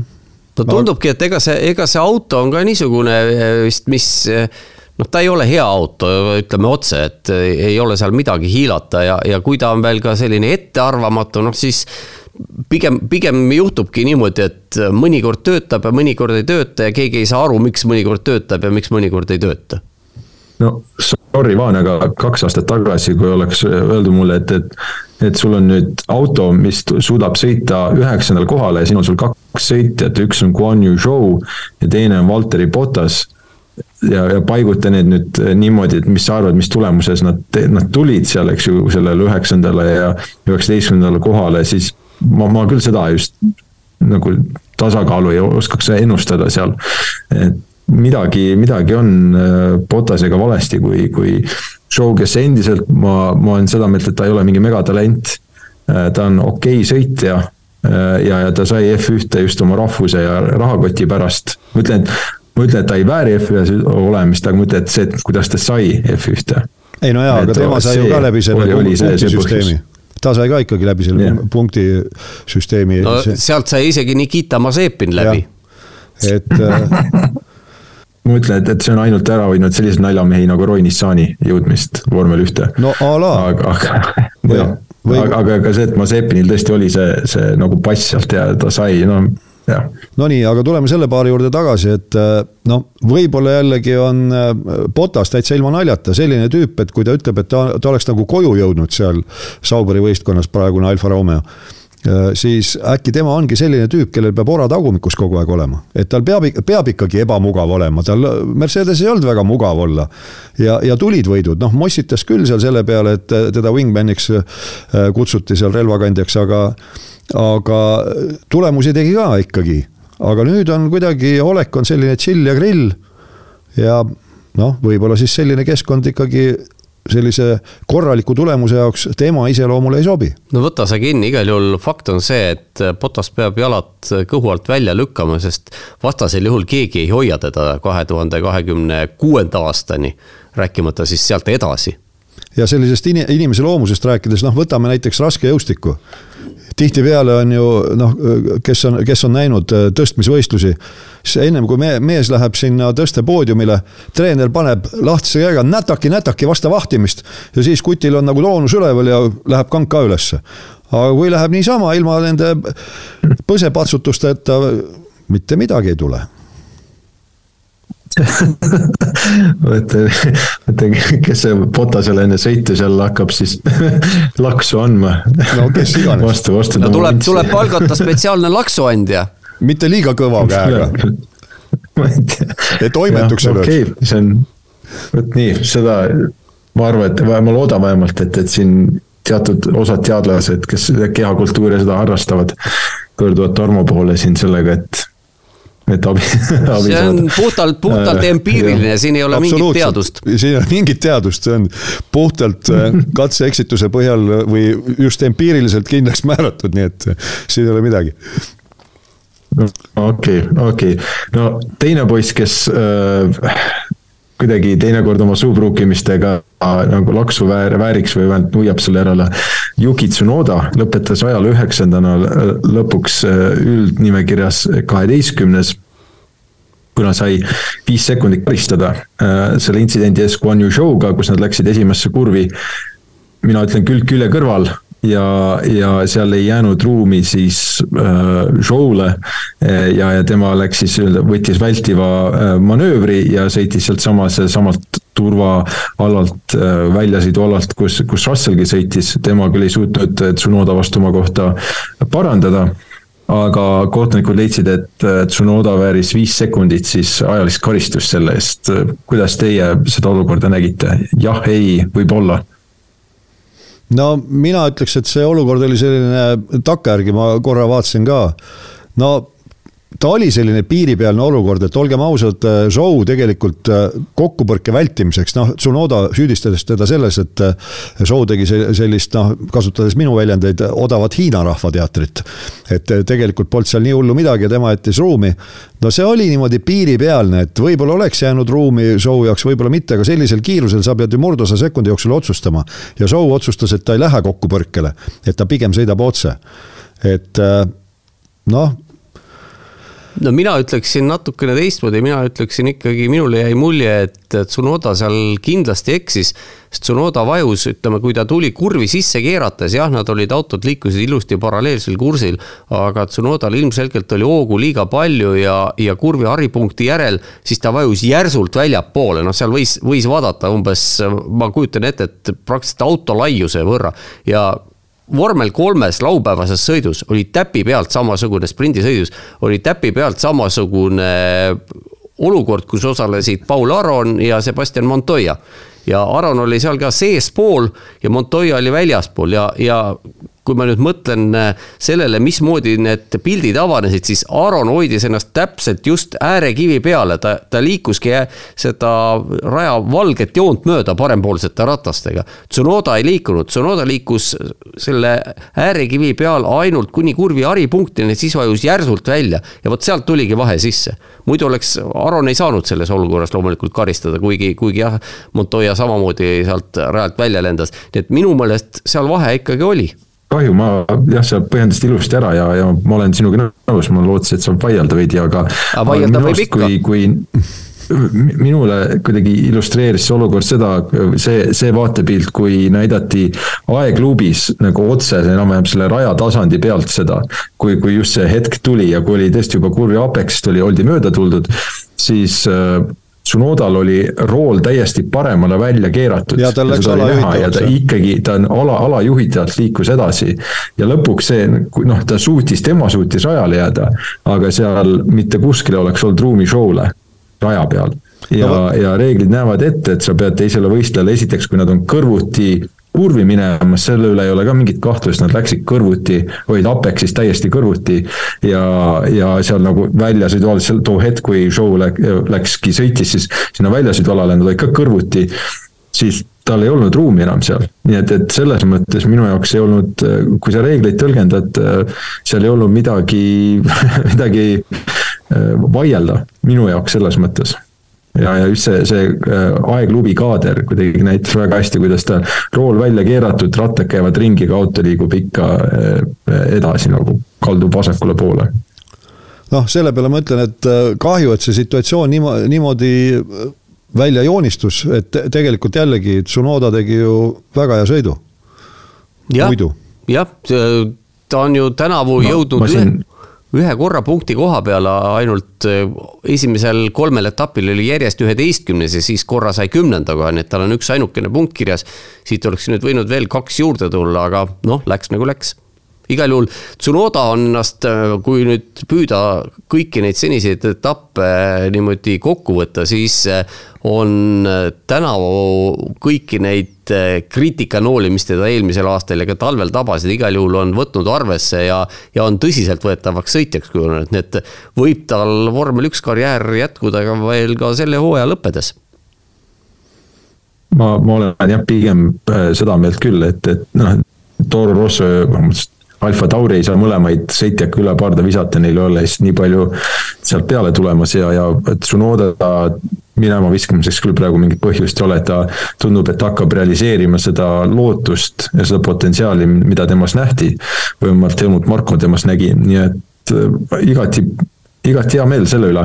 kuigi nagu ta ise ka ütles, et ta seal kiivri all läheb teinekord kuumeneb üle veidi, et, et, et selle kallal ta peab veel töötama ja noh, tema see äh, eneseväljendusviis on, on äh, jah, teinekord veidi abrasiivne ma just ja ma ütlesin tegelikult ka seda ja, ja mõtlesin veel takkajärgi ka, et eh, noh, ühest küljest, mida ma ütlesin ülekande jooksul, oli see, et hea, et meile Tsunoda raadiosidet ei lastud seal sõidu lõpus, kui talle teatati sellest karistusest.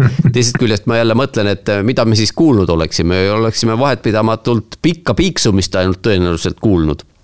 jah, morse signaal oleks sealt tulnud, ainult muud ei midagi aga see on muidugi jah, jah, see on muidugi õige jah, et tal, mulle, mulle tundub, et, et tal see emotsionaalne foon on, on, on nii kõrge, et kui seal mingisugunegi väike härje, häire tuleb, siis kohe tuleb selline vastus nagu kõik, kõikidest emotsioonidest ja, ja sellel ajal ma ei tea, kas ta auto juhtimisega ka sama, sama fokusseeritult tegeleb, mul väiksed kahtlused on, et võib-olla tuleks rohkem autole keskenduda no ja ärme unusta seda ka, et äh, selles, äh, sellel etapil kvalifikatsioonis tegelikult ta sõitis ju üheteistkümnenda aja.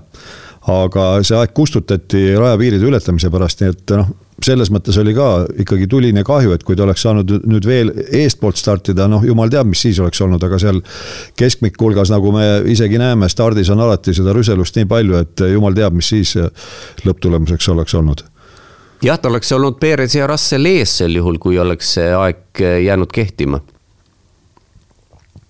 no ma igaks juhuks lisan siia disclaimer'ina selle fakti, et äh, Tarmo omab äh, Jaapani autot ja, ja mitte niisama Jaapani autot, vaid Honda Jaapani autot.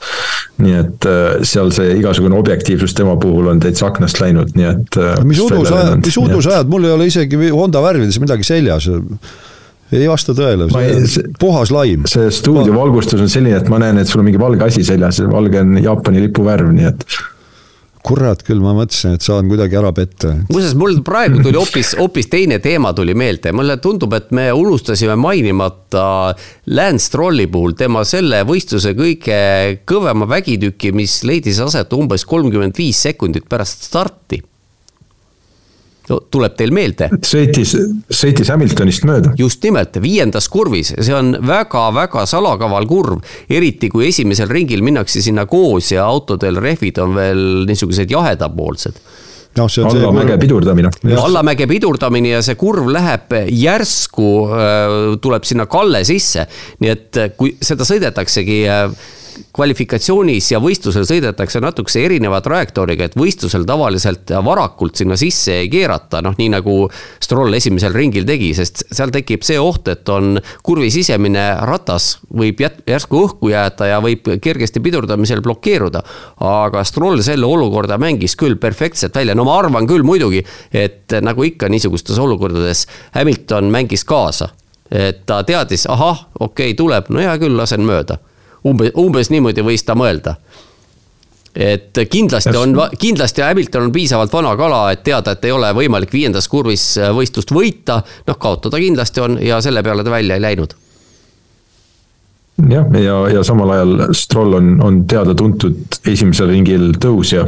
ta on, tal on ka oskusi seal olla agressiivne õigetes kohtades, olla agressiivne ilma suuri lollusi tegemata, nii et äh, selles mõttes jah, äh, igati loogiline. mainime nüüd vähemalt selle ära, et Nick de Vries oli neljateistkümnes ja McLarenid Oscar Piastri kolmeteistkümnes. oota, aga Nick de Vriesist, ennem kui McLaren. tahad rääkida De Vriesist midagi? Äh, ja seda tahan rääkida, et äh, nädalavahetusel paistis niimoodi, et, et tõesti seal, kus ta nüüd on enda jaoks ka tuttavamal rajal kui siin mõni teine rada, sellepärast et ta ei ole ju mõningatel radadel üldse sõita saanud, kus vormel üks praegu vurab tundis ennast nagu kindlamalt või, või rohkem kodus, aga jah, ta alustas neljateistkümnendalt kohalt, lõpetas neljateistkümnenda koha peal, et. et ütleme seal vabatreeningutel ka see vahe Tsunodaga enam nii drastiline ei olnud, kui ta eelnevatel etappidel oli, nii et äkki hakkab midagi arenema paremuse suunas no kui mina kvalifikatsiooni vaatasin ja ta küsis, mida ma valesti teen, siis ma ei näinud mitte mingisugust enesekindlust mitte kusagil. ei, aga Sest seal ei olnud. seal kaks spinni seal.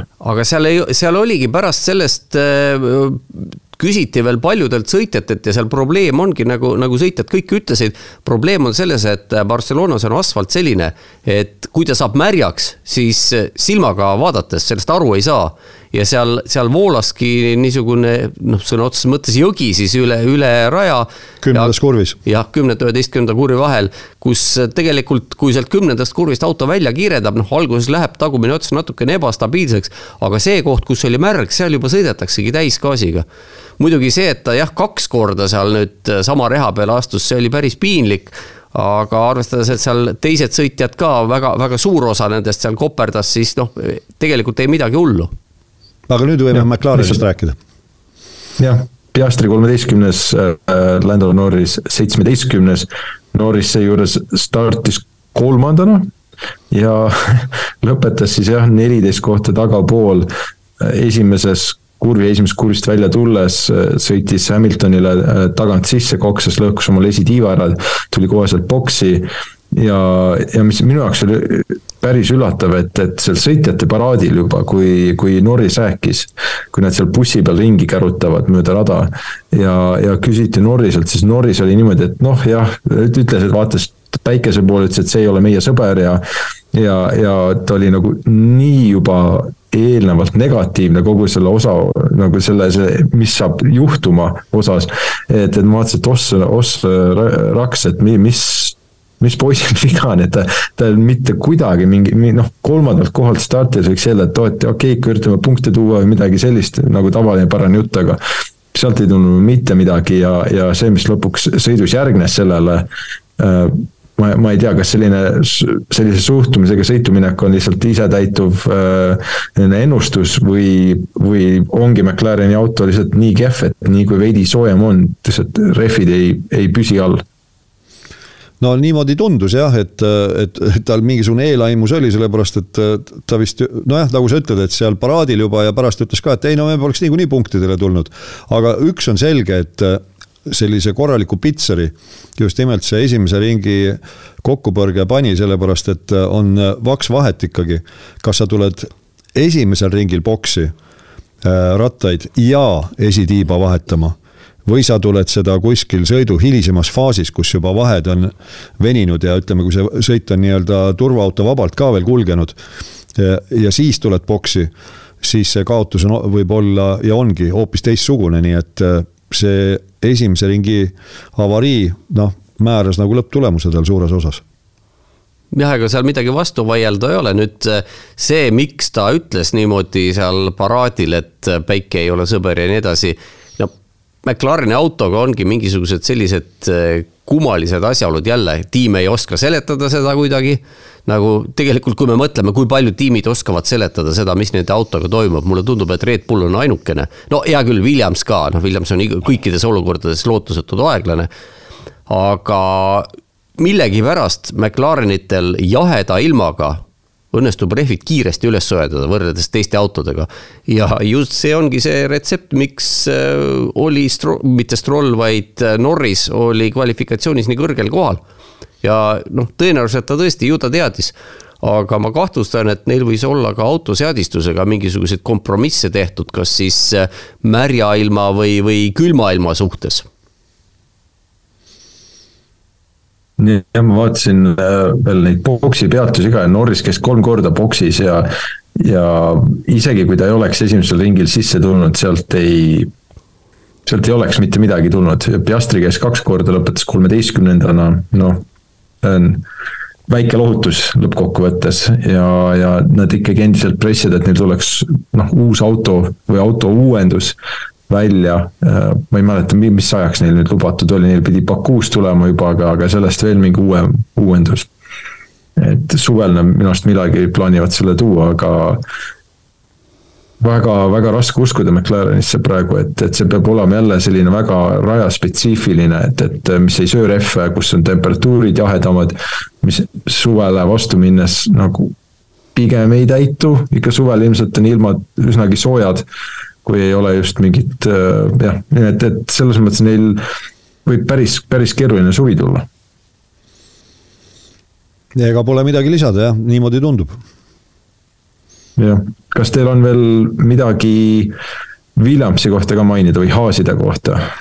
no Haaside kohta minul on nii palju mainida, et äh, pärast kvalifikatsiooni seal, kui Hülkenberg oli sõitnud, äh, mis ta siis oli, kaheksanda aja ja ja Magnussen siis kaheksateistkümnes, et et äh, väidetavalt neil olid autoseadistused erinevad. ja siis väidetavalt Magnu-, Magnusseni auto oli seadistatud kvalifikatsiooni jaoks rohkem võistlust silmas pidades noh, kui me nüüd lõpptulemust vaatame, siis äh, äh, mõlemad punktidelt väljas, et, äh, et kuidagi see ütleme, Nico Hülkenberg suudab vähemalt ühe ringi jagu päris kiire olla, aga see auto võistlustempos kuidagi püsida ei taha. et see kvalifikatsiooniring, kui kvalifikatsioonis vaatasime, mis Hülkenberg sõitis, see oli justkui Haasi värvides Red Bull, ta oli täitsa mööda rööpaid, väga noh, väga stabiilse käitumisega. Aga sõidus sees kiirust lihtsalt ei ole muideks ma vaatasin, tegin sellise väikese kokkuvõtte ka, neljas kohas rajal mõõdetakse tippkiirust, õigemini mõõdetakse muidugi igal pool GPS-iga seda mõõdetakse, aga neli sellist äh, joont on siis, kus need ka avaldatakse, see on äh, stardi või mitte stardi, vaid see on finišijoon. siis on peasirge lõpuosas on tippkiiruse mõõtmise äh, punkt inglise keeles speed trap ja siis on sektorite lõpud. on esimese sektor lõpeb neljanda kurvi eel ja teine sektor lõpeb kümnenda kurvi eel. ja tegin sealt niisuguse väikese kokkuvõtte, et äh, finišijoonel oli kõige kiirem mees Nico Hülkenberg. Peasirge lõpul kõige kiirem George Russell ja esimese ja teise sektori lõpul kõige kiirem Pierre Gasly. ja kui need neli kiirust äh, kokku lüüa, siis selgub, et Gasly summa tuli ka kõige suurem nii et see Alpine igatahes vähemalt sirgetel on väga kiire auto. aga siis ma tegin veel teise sellise kokkuvõtte, kus vaatasin, kui palju on keegi sõitja kogunud kiirust alates finišijoonest kuni peasirge lõpul selle tippkiiruse mõõtmise punkti. ja seal selgub, et kõige rohkem hoogu kogusid juurde Leclerc, Hülkenberg ja Verstappen. ja kõige vähem, kolm kõige väiksema kiiruse iibega sõitjad olid Stroll, Sargent ja Alonso et mida sellest nüüd välja lugeda, no siin joonistub välja, et äh, Aston Martinil mingisugune, mingisugune kiik seal oli, ilmselt on üks nendest põhjustest, miks nende tempo kehvapoolne oli, aga kõik muu on noh, lihtsalt toredad numbrid, aga jah, see juurde lisamise oma on, oma on huvitav, sest äh, see ei näita just ilmtingimata seda nagu üldist või tippkiirust, vaid, vaid see näitabki, palju sa juurde võidad, isegi kui sa aeglaselt lähened sinna. Äh, sa, sa ei see stardi-finišijoone peale, sa võid seal aeglane olla. aga kui sa kogud rohkem, siis sa oled seal edetabeli sees. no need olid, need olid, need olid muidugi jah. kvalifikatsiooni ajal võetud kiirused, aga tegelikult mind oleks hoopis rohkem huvitanud äh, viimase kurvi äh, miinimumkiirus viimase kurvi haripunktis. sest mm -hmm. see ju noh, nägime neid nii palju, kui neid auto pardakaamerast seal näidati no Verstappeni autol ma endiselt väidan, et seal oli kogu kurvi jooksul kiirus üle kahesaja kuuekümne kilomeetri tunnis. ja Perezil näiteks tema kiiremal ringil, heakene küll, Perez kolmandasse kvalifikatsioonivooru ei pääsenud, aga see langes korraks alla kahesaja neljakümne. ja see annab ju, annab sulle ju tegelikult peasirgele mineku kiiruse. ja, ja peasirge mm -hmm. on mhm. terve kilomeeter ja noh, seal me püüdsime ju kuulata ka, et äh, kui nad läbisid seal, kui näidati autokaamerast koos heliga. et äh, kui palju siis keegi noh, heliliselt nii-öelda äh, maha võtab ja Perez võttis oluliselt rohkem gaasi maha selles viimases kurvis, kui võttis Verstappen. Verstappen nagu natukene tõstis, aga Perez justkui noh, võttis päris gaasi maha hetkeks ja siis andis jälle noh, eks sõitjad, sõitjad läbivadki neid kurve erinevalt, aga, aga see on jah, viimane kurv, eriti nende praeguste autodega ja selle uue rajaskeemi puhul on koht, mis autode, just nimelt autode, mitte niivõrd sõitjate, vaid just nimelt eelkõige autode omandusi võimendab, ükskõik kas siis paremuse või halvemuse suunas.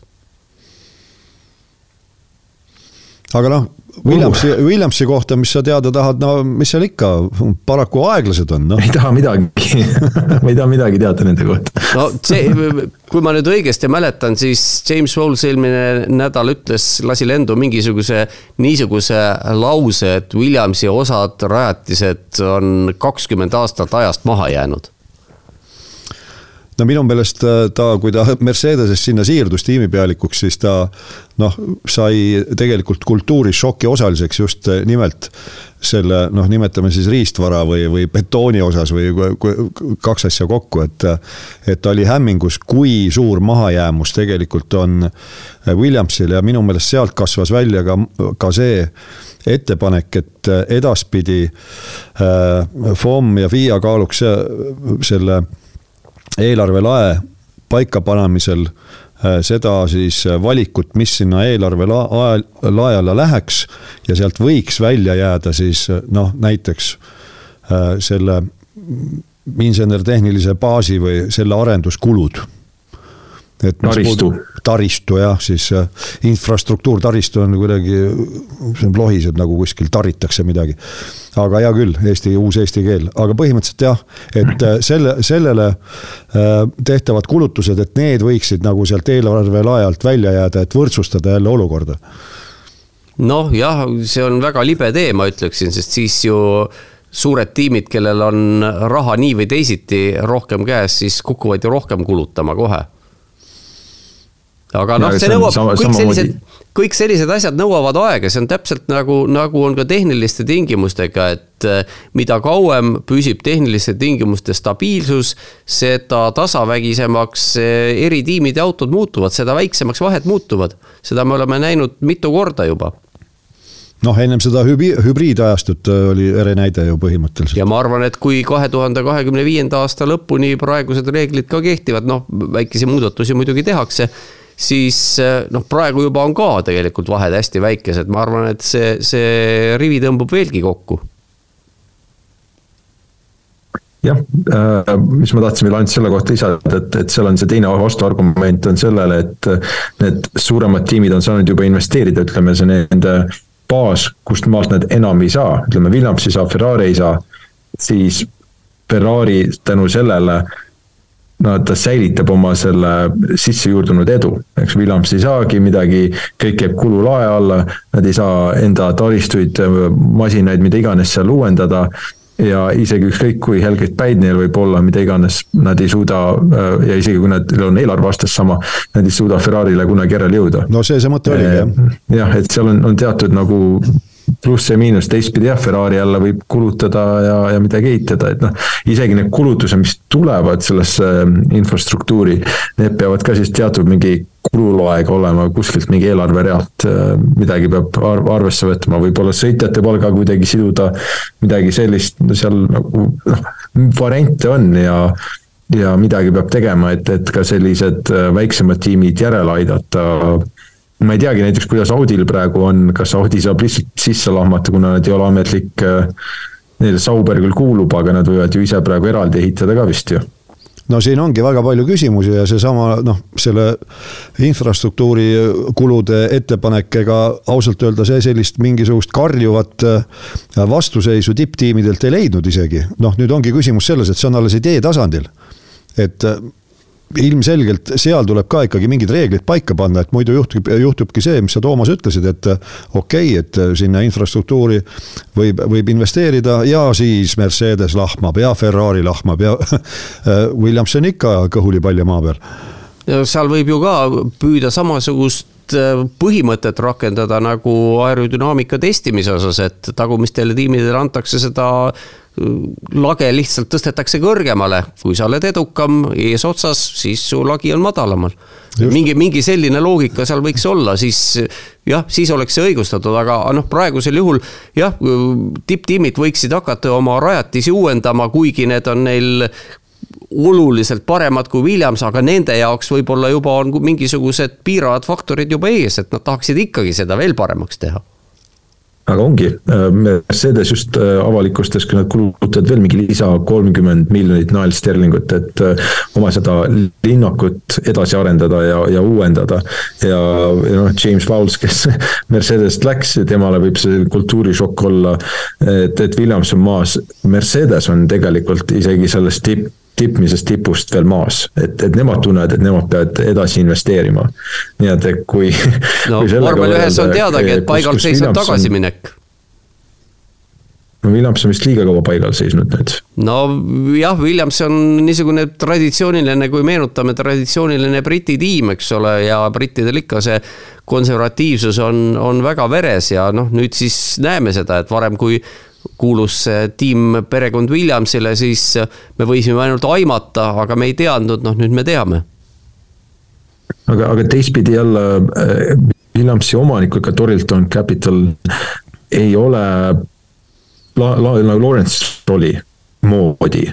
et, et nad ei ole ka sellised omanikud, kes nüüd hullult äh, investeeriks sinna ja, ja kõike noh nagu ütleme, peaaegu vahendid valimata investeeriks edusse. nagu Lawrence Strollil on, et ta on, ta on ikkagi oma rahakotti meeletult kergitanud äh, enda ja siis oma äh, partnerite rahakotti kergitanud, et, et Williams, et Aston Martin, Racing Point või mis iganes see tiim parasjagu juhtub olema, äh, sinna tippu viia ja, ja seni on see päris häid tulemusi toonud, inimesi ka seejuures äh, palganud, kes on ka hullu, hullu palgatõusu läbi teinud, et äh, Aston Martiniga liituda. jah, see võrdlus ühest küljest on õige, aga teisest küljest äh, nagu ma aru saan, siis Stroll, papa Stroll siis, on võtnud eesmärgiks, et tema juhtimisel see tiim peab tulema maailmameistriks, tema käe all aga Torilton Capital, esiteks ma ei tea, kas seal kedagi sellist äh, silmapaistvat juhtoinast on. teiseks, kui ma aru saan, see on ju põhimõtteliselt äh, investeerimisfirma, investeerimispank vist. ja mis on nende tegevuse eesmärk? osta odavalt, töötada üles, müüa kallilt maha mitte, mitte võib-olla sinna päris tippu, aga, aga niisuguseks isuäratavaks muuta see ja noh, kas nad selle Williamsi nüüd on praeguseks hetkeks isuäratavaks muutunud, mulle tundub, et veel mitte, aga kas nad suudavad seda, see on hoopis omaette küsimus. sest selliseid äh, omanikke, kes on vormel ühte tulnud suure hurraaga, et oh, nüüd hakkame tegema, neid on ennegi nähtud. väga paljud on läbi kukkunud kas, kas ma ei eksi, et see võis olla mingi perekonna investeerimisfond? minu arust see ei olnud, see ei ole selline nagu CVC oli, kes või, võiks olla selline no avalik või, või poolavalik eh, riskifond, kuhu siis, eh, kes siis investeerib ja, ja toimetab nii-öelda poolavaliku rahaga. et minu arust Torilton oli, oli pere, mingi pere investeerimis, mis iganes vahend. Ehm, aga, aga see selleks, minu point ikkagi ja ma arvan, et te nõustute, ongi selles, et eh, Williams ja oma omanikega, nad ei olegi neid sihte seadnud, et nüüd minna vormel ühte vallutama või isegi keskvälja peaaegu, et aga, aga, aga Aston Martin on need plaanid välja hõiganud ja, ja ka selle rahaga neid plaane toetanud jah, aga kui Williamsit vaadata, siis eh, mis sellisel vegeteerimisel, nagu seal praegu toimub, eh, mõte on? sest isegi, isegi hooaja algusega võrreldes, noh praegu viimasel kahel etapil Williamsid on ikka täiesti lootusetud punased laternad olnud aga, aga pane siia kõrvale äh, muu maailm, muu spordimaailm ja kui me räägime eelkõige äh, spordiliigadest, paneme Premier League'i, äh, NBA NFL-i, sellised asjad, seal kõik klubide väärtused viimase kümne-viieteist aasta jooksul on, on noh, mitmekümnekordistunud, plahvatanud täiesti. siin tiimid, mis osteti, ma ei mäleta, millal Michael Jordan ostis Charlotte Hornetsi praegu selle tiimi väärtus öeldakse võib-olla kuskil, ta ostis minu arust, kas oli suurusjärgus vist oli sada viiskümmend miljonit või midagi, mingi paarisaja miljoni dollari juures ja praegu on see kuskil kahe miljardi dollari juures jah, aga seal on. oleneb, keegi võib rohkem maksta ja, ja siin müüdi Denver Broncos, kas müüdi just sellele Rob Waltonile, Waltonite perekonnast, eks järeltulija. Sam Waltoni poeg äh, ostis nelja miljardi millegiga ostis Denver Broncos NFL-is ära ja, ja ilmselgelt see, see investeering siia sellesse sektorisse on, on meeletult kasvanud ja, ja see võib täitsa vabalt olla, et, et see ongi, nad lihtsalt üritavad seda nende frantsiisi piisavalt kaua olemas olla seal, et, et see Liberty tõesti muudab kõik tiimid frantsiisideks. ja, ja selle baasilt siis äh, hiljem see frantsiis nagu, sest see saab üli, praegu juba, praegu ma tean, Andretti ei saa vormel ühega liituda tahaks. ja millal on see olnud varem, et see ei saa vormel ühega liituda, et noh, oli aegu, kus oli nagu, see oli nagu liiga, liiga lihtne isegi, et nagu vormel ühte tulla. ja, ja see, see muutub, vormel ühe tiimi omamine muutub väga haruldaseks asjaks ja sellega, mida haruldasem ta on ja mida edukam sport on, seda ka kallim see tiim on no ma tahtsingi selle vahele torgata, et vaata, omanikud nüüd on ameeriklased vormel ühel. ja Joonad oma peas on mõelnud plaani, kuidas suunata teda täpselt sinna, millest sina praegu räägid, kõik need NBA-d, NFL-ist, NHL-id, seal on ju oma äh, süsteem välja töötatud, kuidas need uustulnuk äh, võistkonnad või uustulnuk frantsiisi omanikud oleksid kohe pildis ja edukad, et nad ei töllerdaks kuskil sabas, ei oleks peksupoisid noh, see tähendaks siis vormel ühes ka seda, et äh, on mingisugune a la sõitjate draft ja, ja kui tuleb uus võistkond, siis äh, senised äh, edukad on sunnitud, peavad ära andma omal teatud astme insener-tehnilisest personalist kellegi, mitte mingisuguse suvalise jut, jutitõmbaja, eks ole, seal pliiatsi toetaja kuskil joonestuslaua taga piltlikult öeldes, vaid mõne tipptegija, et noh, kuna see süsteem piltlikult öeldes niimoodi, sina tead seda paremini, elades Ameerika Ühendriikides. et seal NFL-is, NBA-s ja NHL-is see süsteem on niimoodi üles ehitatud, et äh, kõik võistkonnad oleksid võimalikult konkurentsivõimelised, et siis ongi see atraktiivne jah, no vormel ühes on seni seda püütud teiste vahenditega saavutada, noh, mitte noh, kohati suhteliselt hästi, aga, aga otsustades selle järgi, millega me täna saadet alustasime, kui Fredi magama jäi, siis ikkagi päris see eesmärk ei ole nagu väga hästi kätte saadud. jah, vormel üks on, on keeruline maailm, teistsugune maailm, et see ei ole, see ei ole nagu need profiliiga, et äh, teisel pool ookeani. aga, aga või isegi, juba... või isegi jalgpall Andreti nimi tuli sisse, siis noh, jällegi me oleme seda spekuleerinud ja meie ei ole ainsad, et noh, Andreti Williams kõlaks ju hästi tiimi nimena. iseasi, kas Andreti seda tahaks sellisel viisil, ilmselt mitte. isegi seal nad ja vist Torilton ei ole nõus sellise hinnaga müüma, mille, mida, mida Andretil maksta oleks, nii et keeruline, keeruline, kusjuures sellest üldse ei räägita, aga tegelikult ega, ega Williams on ka Ameerika tiim ju Nad on küll registreeritud, tegutsevad, äh, äh, tegutsevad Inglismaal, aga omanikud on puht ameeriklased. noh, kui me hakkame omanike taga, mis, mis, mis, mis maatiim näiteks McLaren on? oli see Bahrein või Katar? see peaks olema Katar Katar. mul ei ole, mul ei ole nüüd täpselt enam meeles, kust, millisest, millisest riigist täpselt, aga jah, seal on ka ju riiklikud investeerimisfondid on ju seal nendes tiimides sees, nii et jah, see omanike struktuur on päris huvitav. no ja see oleks ilmselt täitsa omaette saate teema. jah, kuigi ma kahtlen, kas me piisavalt pädevad selles oleme. jah, ma kiiresti guugeldasin Bahreini selle Mumtalak Holding Company'le kuulub äh, suur osa McLarenist. et äh, jah, enam ei ole ei ole Bruce McLaren ja veel vähem on Ron Dennis. ja Ogier suri ka ära, ma ei tea, kellele tema äh, osalus McLarenis läks. võib-olla isegi Latifi omab midagi seal, Papa Latifi. Papa Latifi andis ka McLarenile laenu mitusada miljonit. aga, aga see selleks, see jah, see läheb väga juba meil äh, teemast mööda ja, ja me oleme siin kaua lobisenud ka juba, et tõmbame vast saatele joone alla. tõmbame joone alla jah, ja võtame teadmiseks, et järgmine etapp on kahe nädala pärast Kanadas, kus nagu veel kord öeldud, rada on täiesti teistsugune ja milline saab jõudude vahekord olema, elame-näeme. no ja tavaliselt Kanada võistlused on nii vihma kui vihmata nii vihmaga kui vihmata põnevad olnud. On küll jah, ja, ja minu taaskord üleskutse siit meie äh, kuulajatele, kui teile tõesti meie saade meeldib ja tahate meid kuidagi toetada, siis palun äh, andke meie kohta teada oma mõnele sõbrale või tuttavale, pereliikmele, kellele iganes. kasvõi juhumöödujale tänaval jookske järele, öelge, kui äge me oleme, et, et see on ka igati teretulnud. sest vaadake, et, et jõud üle käiks teisest, kui teine muutub agressiivseks äkki. aga, aga muus osas äh, jah aitäh, et kuulasite meid ja oleme jälle tagasi eetris kahe nädala pärast. seniks kõike paremat ja kuulmiseni. järgmise korrani aitäh kuulamast ja kohtume kahe nädala pärast